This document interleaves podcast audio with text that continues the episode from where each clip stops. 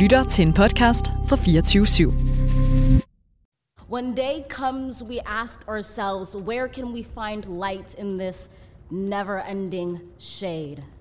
The loss we carry, a sea we must wade. We've braved the belly of the beast. We've learned that quiet isn't always peace. In the norms and notions of what just is, isn't always just is. Det vi lige hørt her, det var Amanda Gormans tale fra præsident Joe Bidens indsættelse. Øh, og en god tale, den kan bevæge, belære eller endda flytte holdninger. Det mente romeren Cicero lige før vores tidsregning i hvert fald. Men holder den tanke stadig i dag? Ja, hvis du spørger AP Møllerfonden, som for nylig har bevillet 12,9 millioner kroner til et projekt, hvor unge i Norge, Sverige og Danmark skal lære at forstå hinanden bedre og holde taler. Så i dag skal programmet her netop handle om taler og hvad vi unge kan gøre for at blive hørt. Hvordan vi kan gøre ordets magt til ungdomsmagt. Til at hjælpe mig med det, får jeg i dag besøg af Louise Fischer Nielsen, som er kendt med i retorik. Hun er forfatteren bag bogen Fra øje til øre, og så har hun firmaet Taleværkstedet, hvor hun med sine egne ord omsætter retorikkens teorier og metoder til din gennemslagskraft med ord, stemme og krop. Så det kunne jo ikke være mere passende. Velkommen til.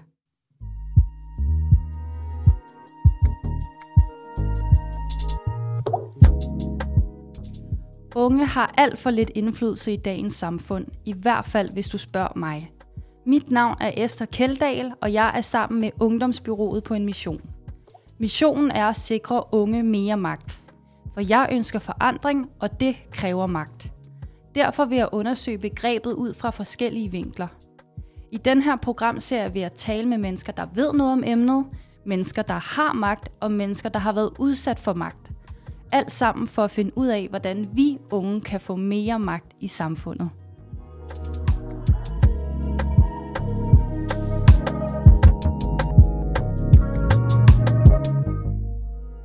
Velkommen til. Som du lige hørte i introen, er mit navn Esther Keldahl. Jeg er klimaaktivist, filosof, og jeg er vært på det her program. Men med mig i studiet har jeg jo også min producer, Gunvor Tarp Barkhold, som til daglig arbejder i Ungdomsbyrået.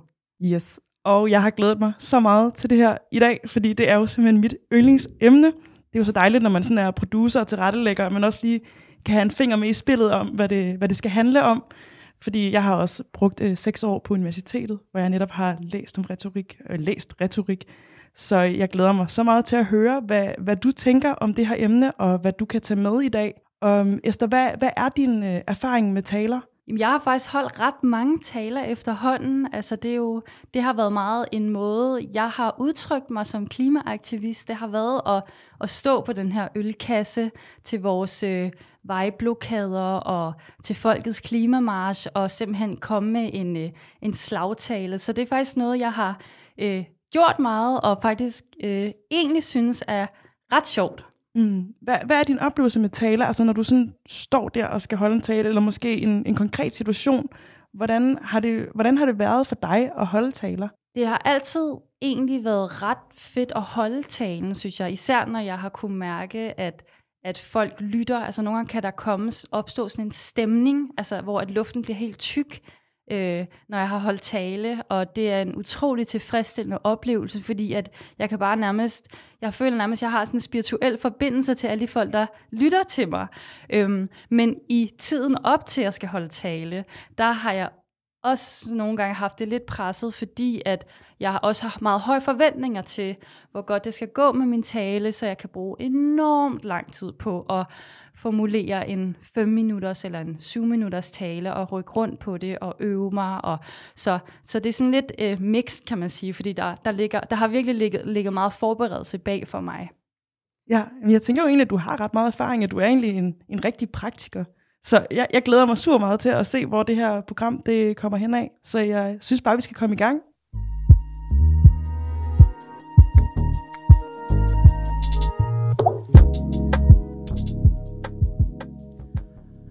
Og nu skal vi sige velkommen til ugens gæst, som er Louise Fischer Nielsen. Øh, vil du præsentere dig selv? Ja, men det var jo faktisk en, en virkelig dejlig introduktion, jeg allerede har fået her øh, i starten af programmet. Øhm, jeg er, udover det du siger her som, øh, som selvstændig, så er jeg også ekstern lektor ude på retorik, så jeg har ikke undervist Gunvar, men, øh, men de, senere, øh, de senere generationer derude i at skrive godt og i at tale godt. Og det er hele raden rundt af, hvordan bruger man øh, stilfigurer, kommatering øh, til sin fordel, også, også hvordan bruger man stemmen og kroppen, og hvordan kommer man ud med det, man gerne vil. Og jeg plejer at sige, at det jeg, det jeg gør, det er, at jeg hjælper folk med at nå dem, de gerne vil nå, med det, de gerne vil nå.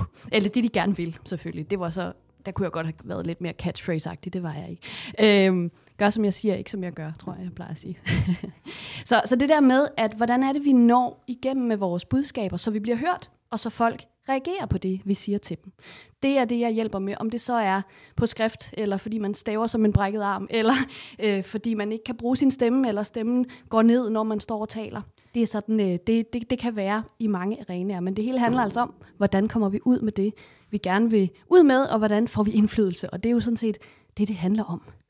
Det er jo så spændende at høre om, fordi at jeg tænker jo, at det er jo så vigtigt at lære at få nogle værktøjer til at komme ud med et budskab, især hvis man, som jeg jo nogle gange har gjort, faktisk har brugt rigtig lang tid på at forberede sig og har bygget rigtig meget op til at få, få holdt sin tale, at det er vigtigt at sikre sig, at det så simpelthen virkelig øh, slår igennem, øh, så, så der kommer meget ud af den. Så meget, meget spændende. Øhm, ja, jeg glæder mig rigtig meget til vores samtale i dag.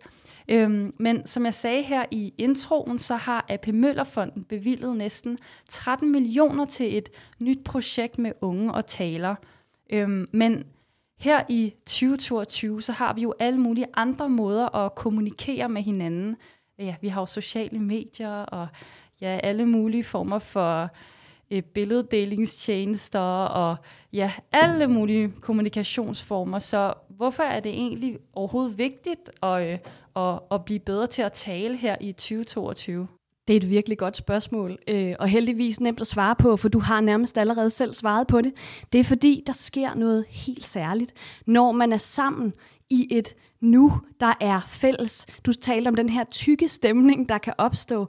At folk simpelthen vender hovedet den samme vej, kigger på den samme, der taler, og mærker, forstår, øh, føler det, der kommer derop fra. Det er simpelthen en ret essentiel del af det at være menneske, at vi får sat ord på et fællesskab. Vi har en, et samfund sammen, som der bliver sat nogle ord på, der bliver fortolket for os. Det kan være den ene del af det.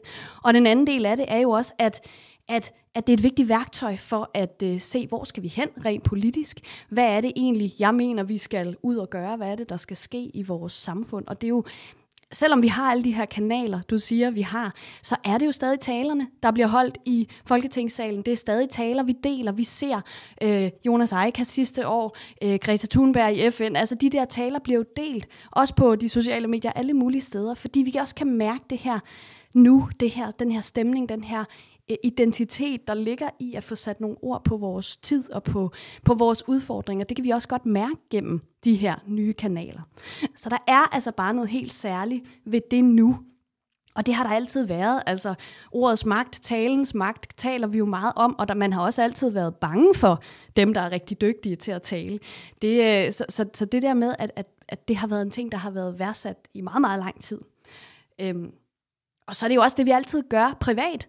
Hvis der er en eller anden vigtig en vigtig overgang i vores liv, altså man bliver konfirmeret, man bliver gift, man bliver døbt, hvad det nu er, så er der altid nogen, der stiller sig op, i hvert fald langt de fleste af sådan nogle ritualer, man stiller sig op og siger noget, fordi ordene får en anden vægt, når vi øh, sætter noget på spil måske. Jeg ved faktisk ikke rigtigt, hvad den, hvad, den, hvad den rigtige grund er, men man sætter sig selv på spil. Det er også det, du siger, øh, når du, øh, at du, du bruger enormt meget tid på, at det skal være perfekt, fordi man er på spil, og man kan tabe ansigt, for det kan gå galt. Og det vil være noget af det værste, der kunne ske, det var, at det gik galt. Så derfor er det også en, en, øh, en måde at vise på, at man virkelig går op i det, man, øh, man taler om. Okay, så det har virkelig både noget at gøre med vores menneske, vores måde at være menneske på, at være til i verden, og den politiske samtale, og ritualer og traditioner i vores kultur. Så ja, det, det, det lyder virkelig på dig som om, at det er, det er faktisk stort set det vigtigste. Ja, det er det, og det er jo også det, vi gør hele tiden. Altså, så kan det godt være, at vi ikke siger, at det her, jeg laver lige nu, er en tale, eller det, du laver lige nu, eller når vi sidder og taler med vores venner. Men det er jo også at bruge sproget til at overbevise hinanden, nu siger jeg overbevise sådan i gåseøjne, altså overbevise hinanden om, at den her oplevelse, jeg fortæller om, var voldsom, eller sjov, eller I, nu skal I grine, eller tag lige og, og sign op herover på et eller andet, som, øh, som jeg gerne vil informere jer om. Vi gør det hele tiden. Vi er rigtig, rigtig gode til det. Det, der så kan være svært, det er, når der pludselig er en masse, der kigger på en, eller når vi trykker record her, så bliver man pludselig meget selvbevidst, og så kan det være rigtig svært, ikke? Ja, og det er jo det, vi skal tale om lidt senere, med hvordan man kan, hvilke værktøjer, der kan der kan tages i brug for at undgå nogle af de, de værste faldgrupper, når man stiller sig op. Fordi det er jo, som du siger, meget sårbart, så det er jo også en, en risiko, man tager, når man stiller sig op øh, for at holde tale. Øhm, ja, og nu startede vi jo øh, programmet med en mere end 2.000 år gammel reference, og jeg vil egentlig også gerne øh, gå lidt tilbage, for retorikken rækker langt tilbage i antikkens Grækenland. Øhm, så kan du sætte nogle ord på, hvilke muligheder, man havde for at udtrykke sin holdning i antikken? Jeg er jo så glad for det her spørgsmål for os retorikere. Vi vil så gerne tale om antikken og de gamle grækere og de gamle romer. Jeg skal nok lade være at blive for langhåret. øhm, men det, der sker øh, omkring ja, 2.500 år siden, det er jo, at der opstår det, øh, et, et demokrati. Og det er jo ikke et demokrati, som vi kender det i dag. Men der opstår demokrati, som gør, at man får... Øh, mere handle mulighed, altså at man kan stille sig op på agora, på torvet øh, til de her øh, forsamlinger, og så kan man tale, og så kan man få indflydelse. Det er det ene, der sker. Det andet, der sker, det er så, at der bliver lavet en regel om, at man ikke må øh, have advokater, når man så øh, går i retten og skal forsvare sig selv. Så det skal man gøre selv, at man skal selv tale og selv forsvare sig og, be- og bevise sin uskyld. Og det stiller jo også nogle enormt store krav til øh, det enkelte menneske. Og nu siger vi, hvem er det, der kan stille sig op? Hvem er det, der står i retten? Det er jo den frie mand øhm, af en vis alder og en vis status. Så selvfølgelig er det ikke, øh, som vi kender det, sådan er det jo, når demokratiet starter. Det gjorde det jo også i Danmark, at det er øh, ældre øh, mænd, der har en vis øh, status i samfundet. Øh, ja, så på den måde var det jo ikke alle, men der sker noget der omkring netop af de to grunde blandt andet, som gør, at retorik bliver meget, øh, det bliver meget vigtigt at sætte ord på, hvad er det så, der virker. Og det vil sige, at der kommer en hel masse taleskoler. Der kommer, bliver nedfældet alt muligt om, hvad er det egentlig for nogle redskaber, der virker? Hvad skal man gøre? Hvordan er man troværdig? Hvordan kan man tale, så man bliver frifundet? Hvordan kan man bruge sin stemme? Hvordan kan man gøre forskellige ting? Så specifikt var det nok ikke med stemme, men hvordan kan man, hvordan kan man tale, så man bliver hørt?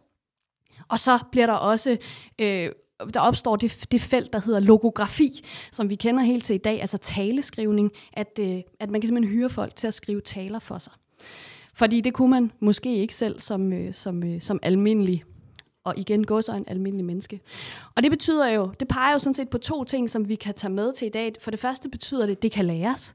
De her sofister, som du sikkert har hørt om i, i, som filosof. Nu står filosof, filosofen og retorikeren jo herover for hinanden, som i beef, åbenbart. ja, det, det, kunne jeg, det blev jeg i hvert fald lært i første semester. Vi Lige har præcis, ja. Og det er jo fordi, at filosoferne de mener, at vi skal diskutere det, der handler om sandhed og også retorikere, vi siger, ah, rolig nu, det skal, vi skal tale om det, der ligesom kan være sandsynligt, som ikke har et sandt, eller et, et eller andet, ja, hvad, vi taler ikke om sandhed, vi taler om, jamen, hvem skal tage opvasken, hvad skal vi gøre med, med klimaforandringerne.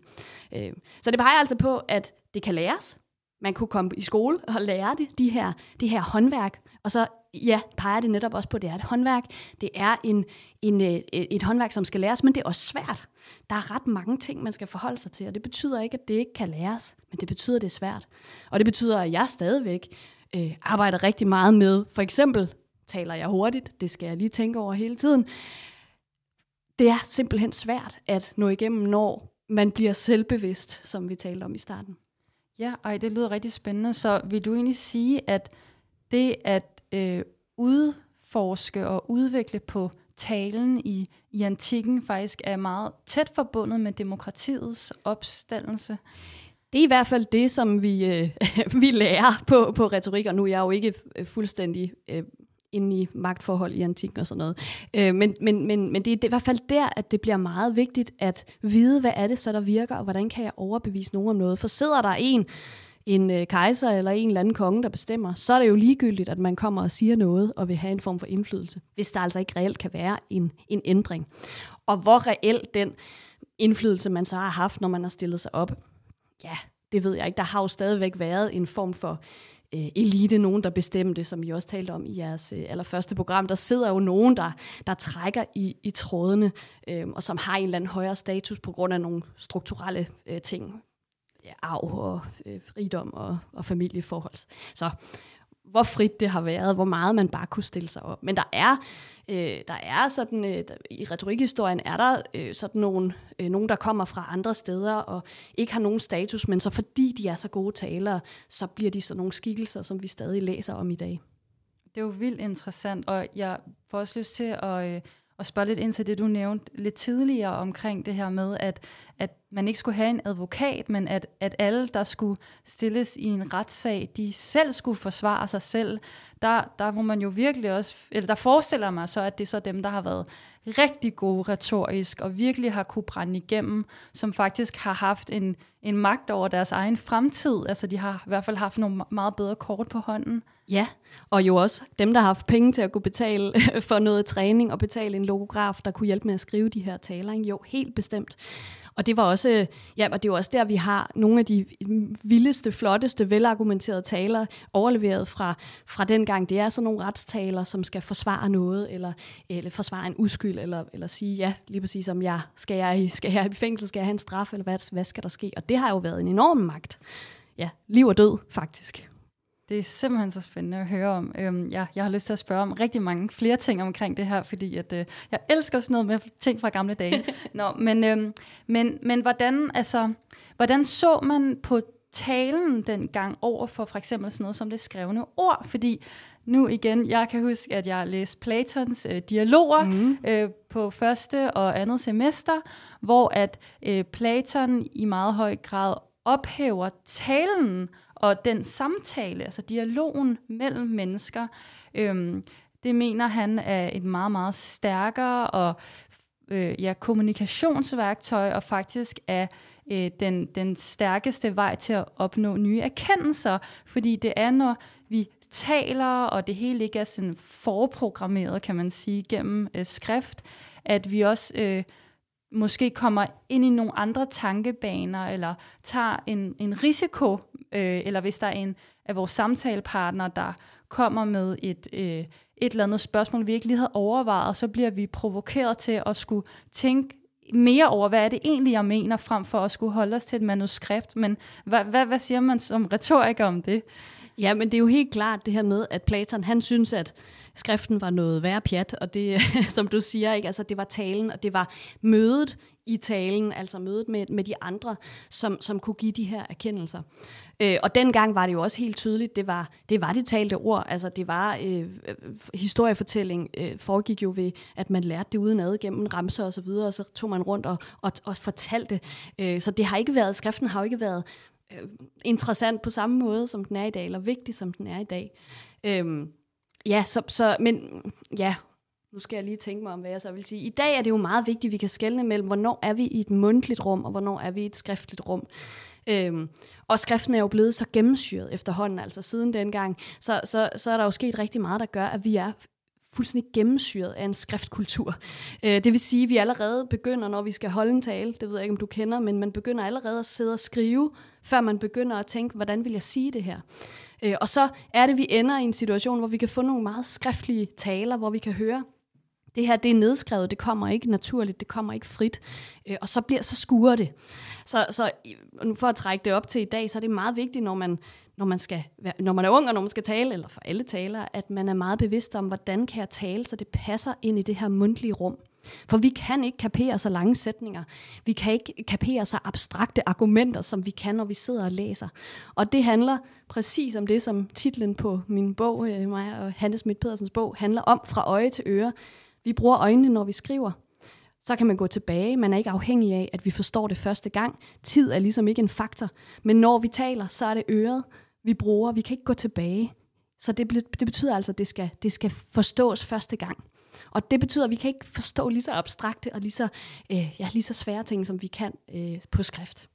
Og det skal man være bevidst om. Så det, hvis man begynder at skrive sin tale, uden nogensinde at have den i munden, for jeg lige ved at sige, så, så, øh, så, så er det ikke sikkert, at den, den, den nogensinde når nogens ører og hjerne og hjerte, hvis vi skulle sige det sådan meget billedligt.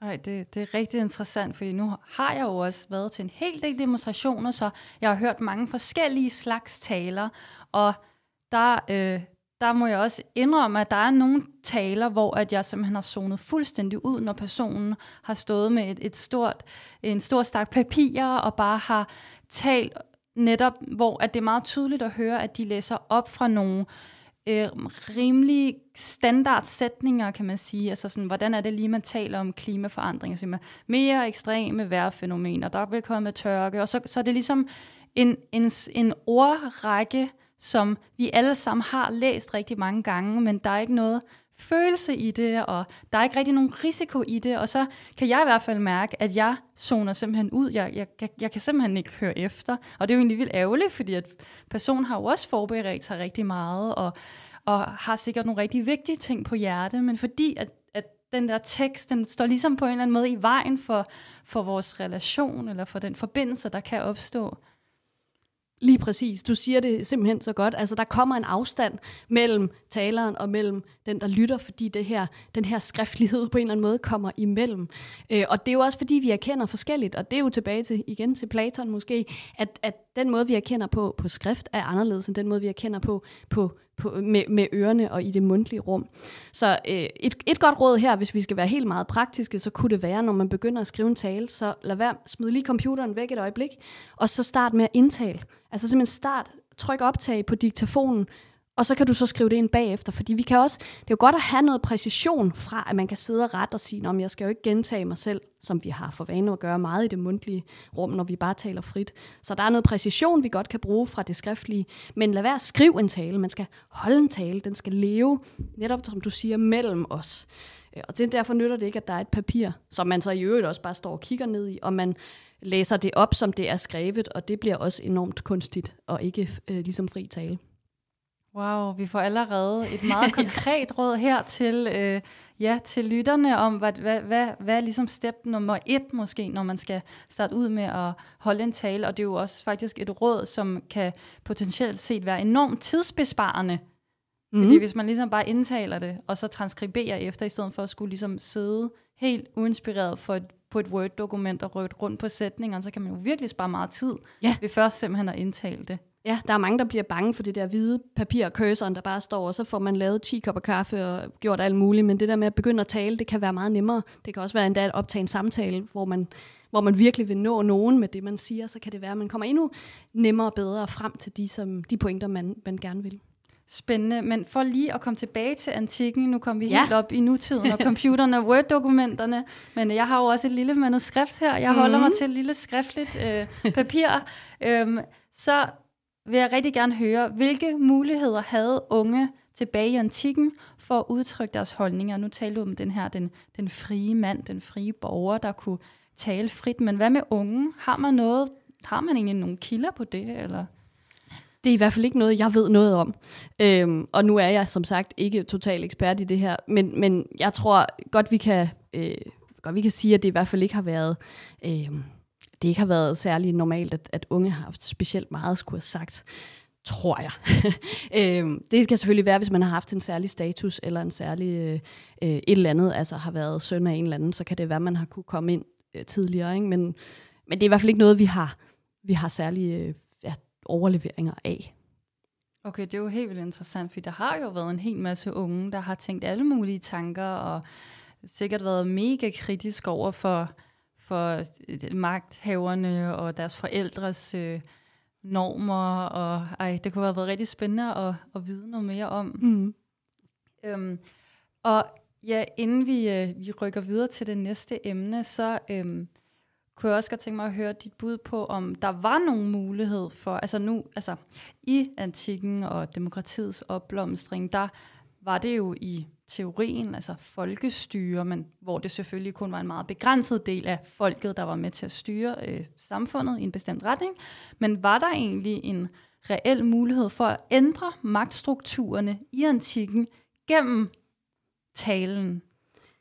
Det er jo i hvert fald det, vi, vi, det er i hvert fald det, vi fortæller i dag. Altså, det er i hvert fald den forståelse, vi har af antikken, når vi kigger tilbage på den i dag, at, at ordet havde magt. Og hvis man kunne, hvis man havde en retorisk tæft, hvis man, hvis man kunne noget øh, med ordene, så kunne man også få en indflydelse. Altså, ordene var betydningsfulde, og øh, opbygningen var betydningsfuld, øh, kropsbrød var betydningsfuldt.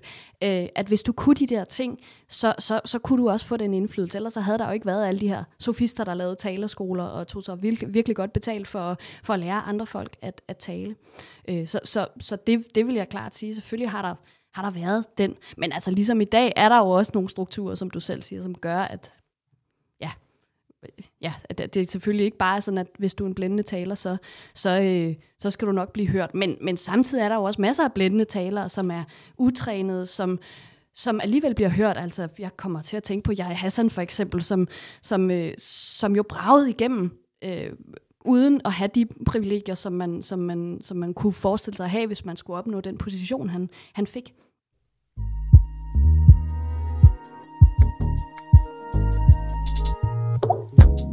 Det er ikke alles oplevelser og budskaber, der bliver taget lige seriøst.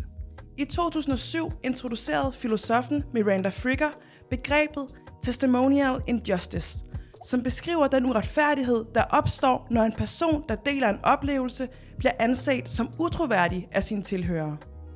Ikke fordi personen formulerer sig dårligt, men fordi tilhørende tillægger taleren negative stereotyper, hvilket påvirker deres vurdering negativt. Ja, det er jo faktisk rigtig, rigtig spændende og meget vigtigt øh, del af, af det her med at tale, at det ikke alle, der taler øh, med, med, de, med de samme vilkår, øh, fordi at omverdenen opfatter os forskelligt alt efter, hvilke identitetsmarkører vi ligesom lever op til. Øhm, så det skal vi også tale mere om, men først og fremmest kunne jeg godt høre, tænke mig at lære om, hvis man kommer til dig og gerne vil øh, blive bedre til at tale. Hvad er så nummer, punkt nummer et på dagsordenen? punkt nummer et, det er at spørge, hvad vil du gerne opnå i hvilken situation? Og det er virkelig også hentet direkte i lommen på de gamle grækere og romer. En forståelse af, at alle situationer er forskellige, og jo mere bevidste vi er om, hvem vi gerne vil nå, og hvem vi gerne vil flytte med hvad, jo nemmere bliver det.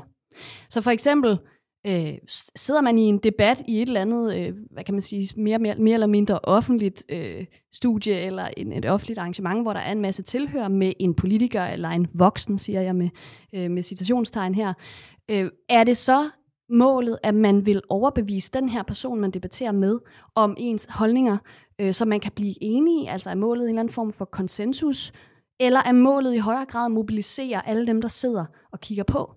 Altså, hvad er det, man vil i hvilken situation. Og det vender vi helt sikkert tilbage til, når vi taler om nogle af de, de taleeksempler, som, øh, som vi har med. Øhm, men, men hvem er det egentlig, man, hvad er det egentlig, man vil? Og der kan man måske helt først og fremmest tale om, at man kan bruge det her skæld mellem, vil jeg samle dem, der er relativt enige omkring mig, altså mobilisere, øh, sige, hey, så nu skal, I er jo enige med mig, lad os gøre det her, eller vil man flytte stemmer? Samle stemmer eller flytte stemmer. Altså dem, der er uenige med en, vil man overbevise dem om, øh, at, at man har ret, eller at, man, at, man, øh, ja, at vi skal samme sted hen, som jeg gerne vil. Og den forskel er noget af det første, man må overveje. Hvad er det egentlig, jeg vil? Hvad er det, jeg skal her? Og selvfølgelig kan der være... Øh, hvad kan man sige, der kan være alle mulige underformål og så videre. Øh, jeg står her, mit formål er at hjælpe unge med at få mere magt i samfundet. Helt privat og personligt, så vil jeg jo også gerne sige, jeg er min virksomhed, og jeg kan noget. Altså der er selvfølgelig er der et, et andet formål med, jeg står her også et, et hvad kan man sige, personligt formål. Men hvis, jo, jo skarpere man kan blive på, hvad er det, jeg vil, og hvem er det, jeg vil noget med, og hvad er det, jeg vil have indflydelse på, og hvad er det, de skal gøre, og hvem er det, jo, øh, jo, jo mere kan man altså få rykket. Og det vil være det allerførste at sige, hvor er det, du skal tale, eller skrive, eller hvad det nu kunne være. Øh, og, og, og, og så kan vi forstå den her situation, og så kan vi nemlig også forstå, hvordan bliver du opfattet? Hvad er der af udfordringer? Øh, hvad, hvad, hvad spiller med dig? Hvad spiller måske mod dig? Hvad skal man forholde sig til? Spændende, og jeg tænker egentlig umiddelbart, at det er sværere, altså det er en sværere opgave at prøve at flytte på folks holdninger, mm. end at øh, tale til dem, som allerede er enige med en. Helt klart, ja, helt klart. Det er det virkelig, fordi hvis man har et, en livsverden og et værdisæt, så er det jo helt klart svært at, at blive overbevist om noget andet end det, man, det, man gør. Og der er det jo, der er det jo en god idé, øh, hvis vi skulle komme med endnu et godt råd, at prøve at argumentere i den livsverden, den livsopfattelse, de værdier, der ligger der, at det her, jeg siger, er helt i tråd med det, du plejer at gøre eller stemme på, eller hvad det kunne være. Øh, hvordan man nu kan få den vinklet. Mens men det er, også, det er også svært at få folk til at handle anderledes. Altså det der med, hvis man skal mobilisere nogen til at møde op til en demonstration på lørdag. Altså det der med at få folk til at rejse sig op, gå ud af døren, cykle derhen, hvor man skal. Altså det der med at altså, få folk til at, selvom de er enige med det, du siger, at simpelthen få folk til at gøre noget anderledes, det er også svært. Øh, så begge dele kan være svært, men man kan selvfølgelig sige, at det kan være nemmere, at det er i hvert fald nemmere at tale til dem, der er enige, for der er allerede et værdifællesskab, og man har allerede en form for identifikation, som vi altid godt kan lide at tale om, at vi kan identificere os med hinanden, og vi bliver mere overbevist af dem, der jo ligner os, eller vi i hvert fald kan identificere os med. Ja, og så er det jo også meget tryggere, kunne jeg ja. forestille mig. Øhm, nu hørte vi også lige her i faktabreaket, at alene det at tilhøre en særlig identitet kan påvirke ens tilhørsvurderinger mm-hmm. af en negativt. Ja. Og der er jo rigtig mange identiteter, man kan tilhøre, som kan øh, øh, altså føre til den her konsekvens. Og der tænker jeg især også, at unge øh, mm. Er udsat for nogle negative øh, forventninger. Øh, I sidste afsnit, der hørte vi fra Hjelva, der mm. kæmper blandt andet for klimaet, men også for at få øh, valgretten sænket ned. At hun var i debat med Morten Messerschmidt, som alene på grund af, at hun var ung, mente at hun, hun ikke var berettiget. Ja. Så det er jo et meget klart eksempel på det. Øhm, og hvad vil du give som råd til en ung, der gerne vil have mere gennemslagskraft, og måske endda prøve at ja, bryde med de her forventninger, mm. så de ikke med det samme bliver sat i en kasse? Ja, altså det første er jo netop at vide, at de er der. Øh, du siger negative, øh, negative forventninger, øh, vi kalder det øh, øh, constraints, det, det selvfølgelig, det, vi kalder det på dansk, tvingende omstændigheder. Altså det er nogle ting, der er, som de er. Vi kan ikke gøre noget ved det, men vi bliver nødt til at forholde os til det. Altså ens alder, den måde ens stemme lyder på, øh, at man godt kan høre på den måde, øh, de ord du bruger er nogle andre ord end de ord jeg bruger, så vi kan godt høre, at der er forskel i alder på os. Vi, vi, er, jo, vi er jo så trænet til at afkode den slags ting. Der kan være noget i stemmehøjden, der kan være noget i, i øh, frasering, der kan være noget i alle mulige ting, som gør, at vi helt tydeligt afkoder en form for alders øh, tilhørsforhold. Og det er også noget af det, der gør, at jeg er glad for at være blevet ældre i min business, fordi jeg bliver mere troværdig. Øh, jeg bliver, bliver hurtigere accepteret som en ekspert, jo flere øh, små rynker, jeg får rundt om øjnene.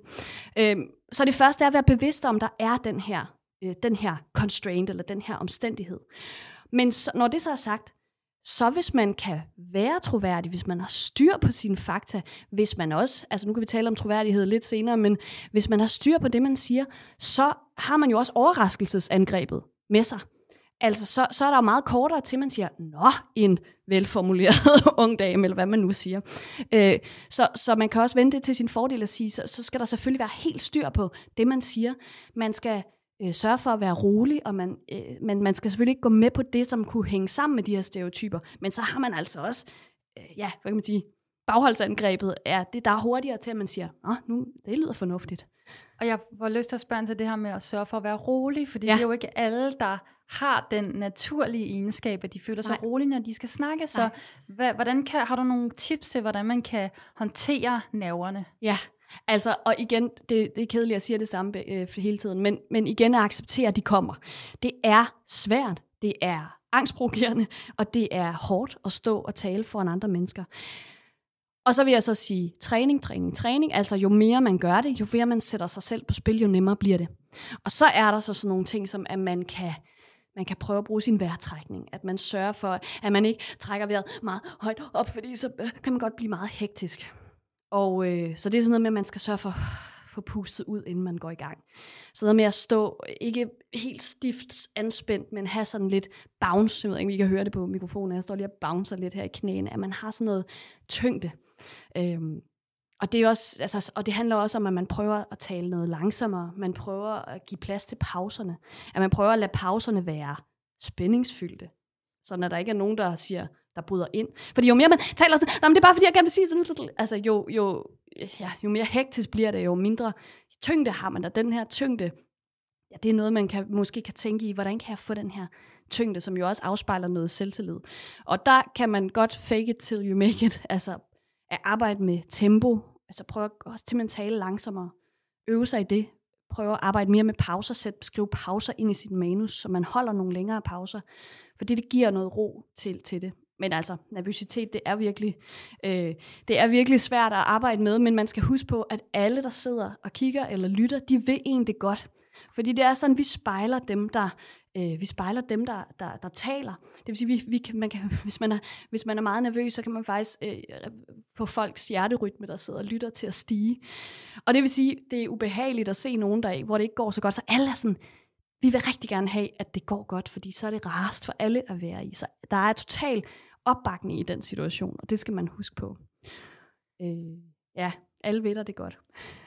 ja, ej, det er godt med alle de her konkrete og meget sådan, ja, faktisk ret omsorgsfulde mm. råd, fordi det er jo det her med at bare, bare acceptere, at vi er øh, fejlbarlige, og vi er middelmodige, og nerverne er der jo både for at hjælpe os, at de ikke mm. nødvendigvis vores fjende, så Helt der klar. er sikkert alle mulige sådan lidt uh, meditationsagtige ting, man kan gøre.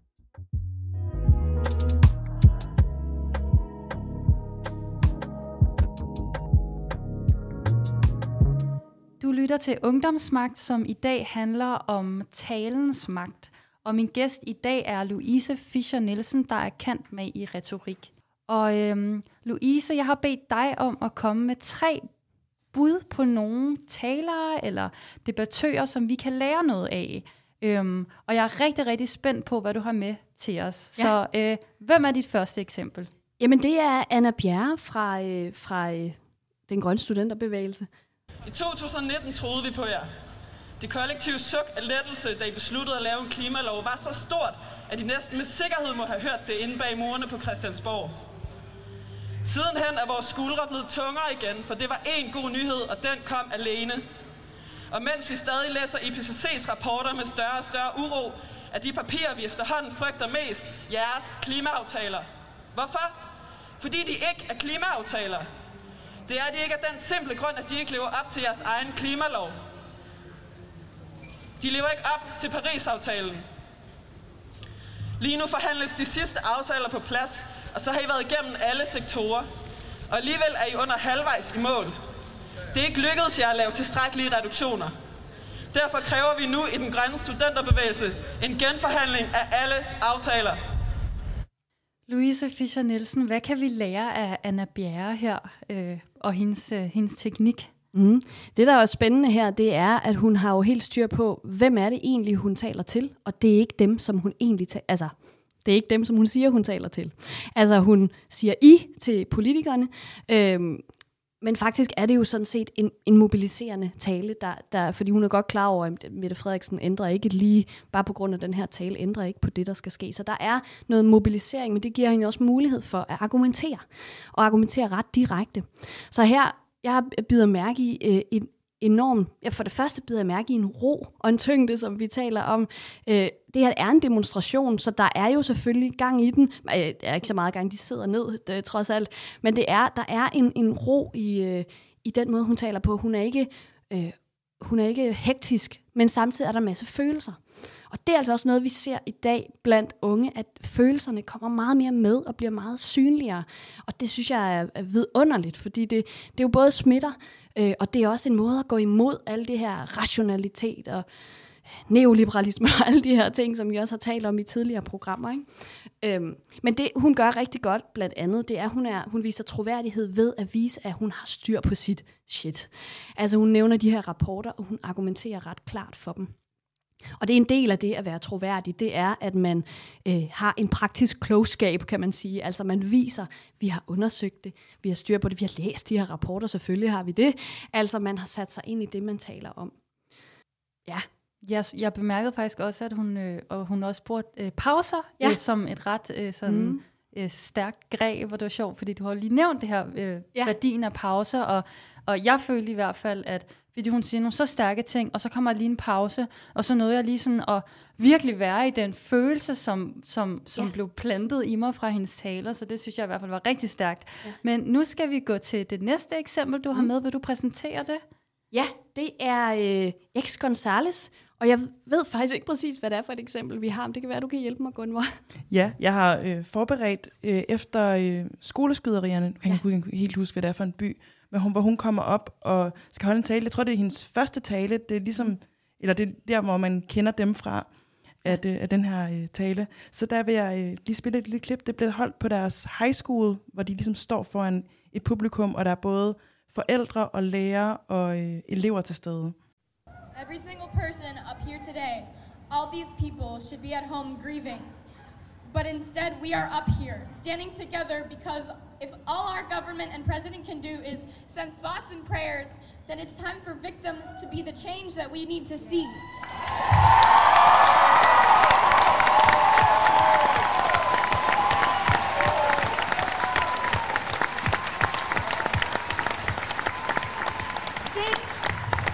Since the time of the founding fathers, and since they added the Second Amendment to the Constitution, our guns have developed at a rate that leaves me dizzy. The guns have changed, and the laws have not. We certainly do not understand why it should be harder to make plans with friends on weekends than it is to buy an automatic or semi-automatic weapon. In Florida,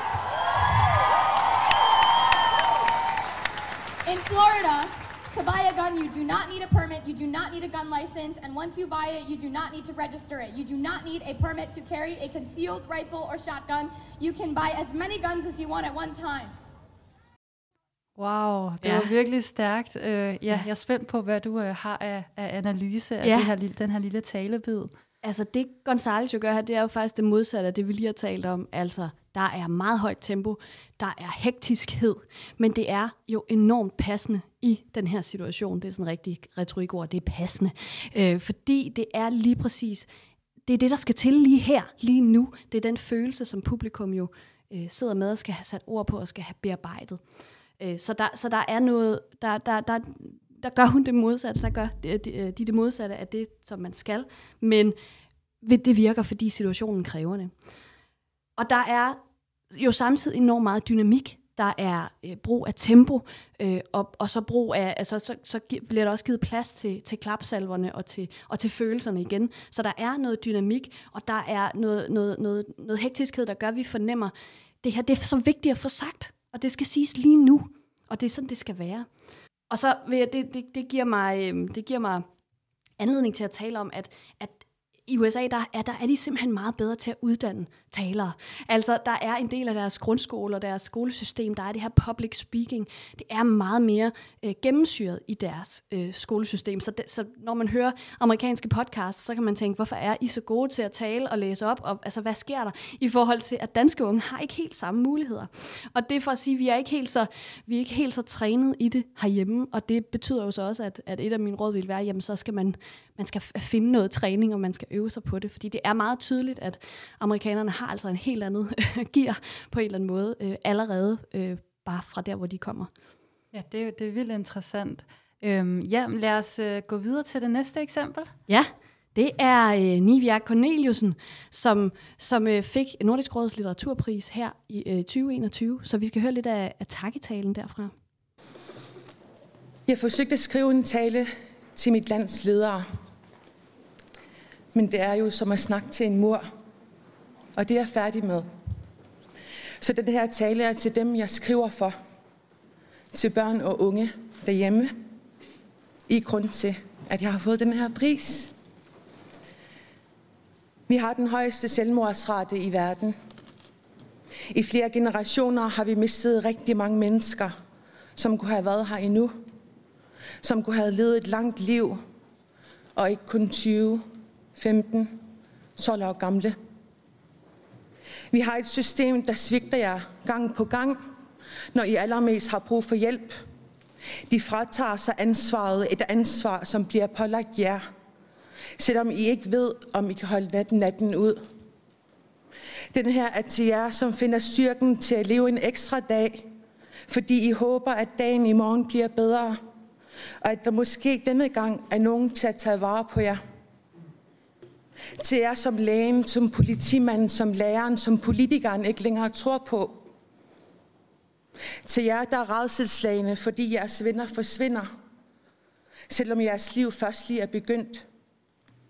Til jer, der bliver smidt ud af kollegiet, når I har forsøgt at tage jeres eget liv.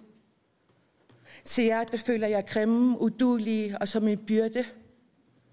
Til jer, der har lyst til at leve, men ikke længere kan magte det. Vi har et modbydeligt system, som tvinger jer til at vælge mellem liv og død.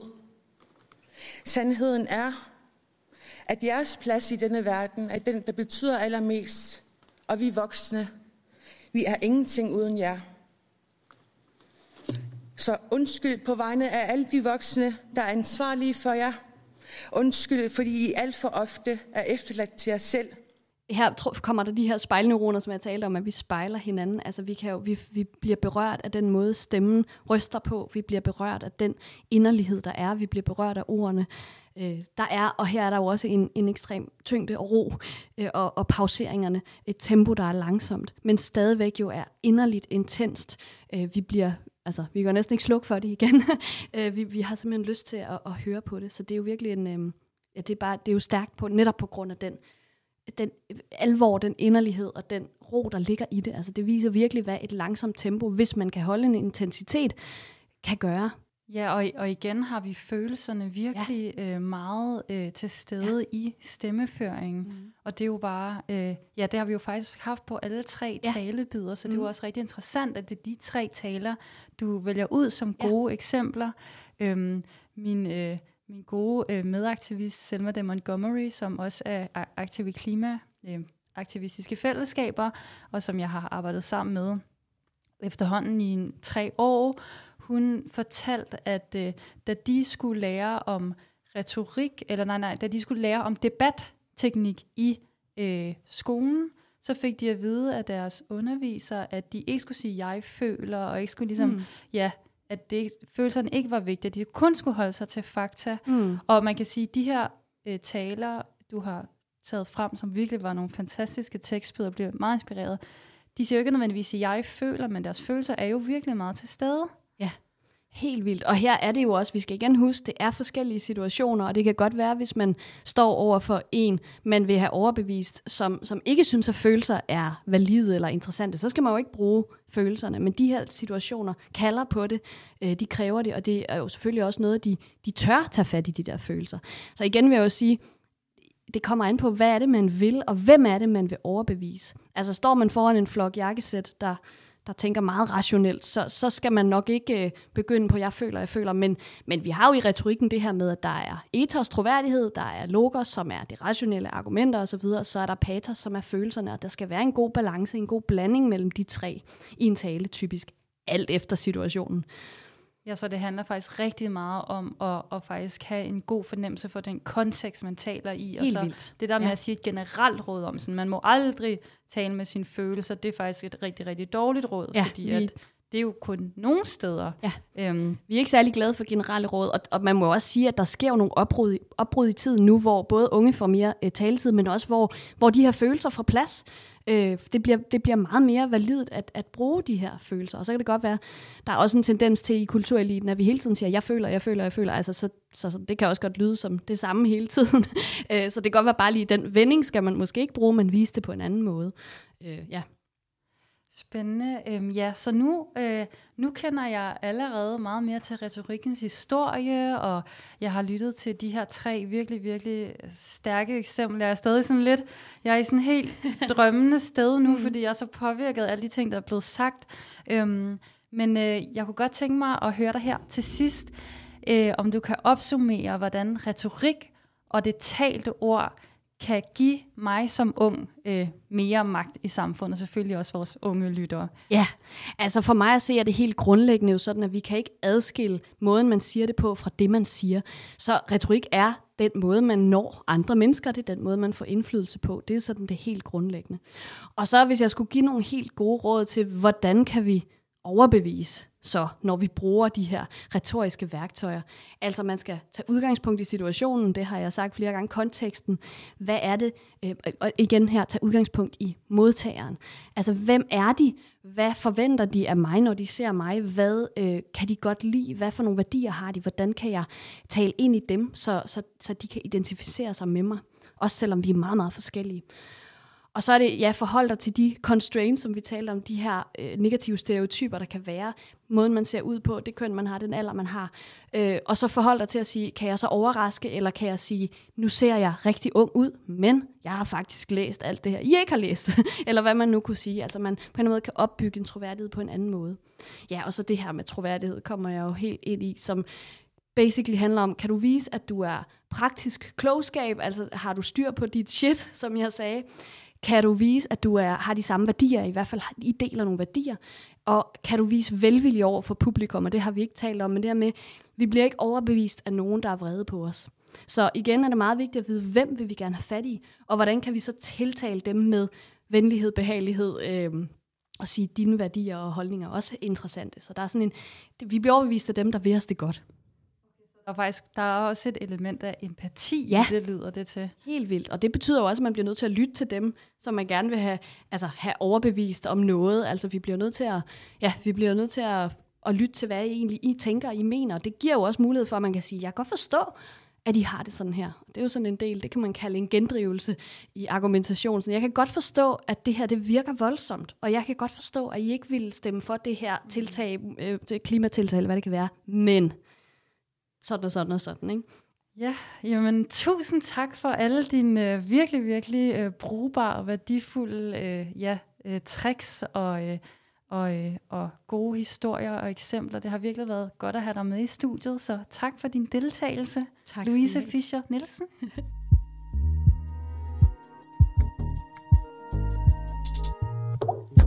Hvis du ikke kan lide at holde taler foran andre, er du slet ikke alene. Det er helt normalt, at man oplever en vis grad af nervøsitet i præstationssammenhængen. Ifølge psykologerne Johansen og Christoffersen er det omkring 75% af alle mennesker, der oplever en mild til moderat angst i forbindelse med at skulle tale foran forsamlinger. Så Esther, jeg har simpelthen haft en fest. Jeg synes, det har været så fedt at høre jer to snakke om det her emne, og også bare mærke jeres engagement, og jeg er virkelig sådan helt, helt høj på, hvordan det her det har været. Hvad, hvad har du fået ud af i dag? Hvad tager du med dig?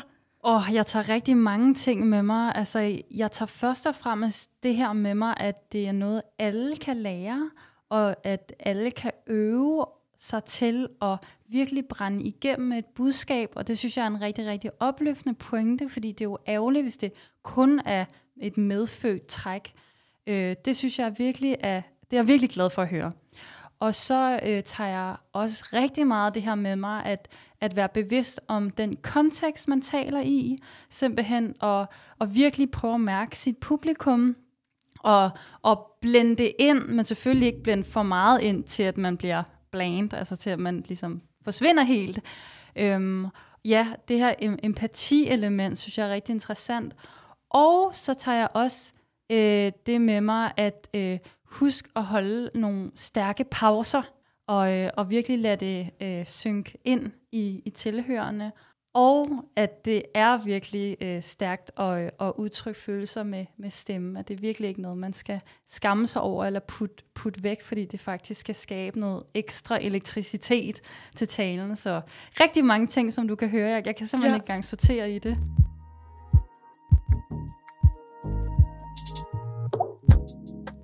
Det var alt, vi havde til jer i dag. Ungdomsmagt er tilbage igen i næste uge, samme dag, samme tidspunkt. Vi sender alle tirsdage fra 10 til 11 om aftenen, og så kan du selvfølgelig også finde vores afsnit som podcast.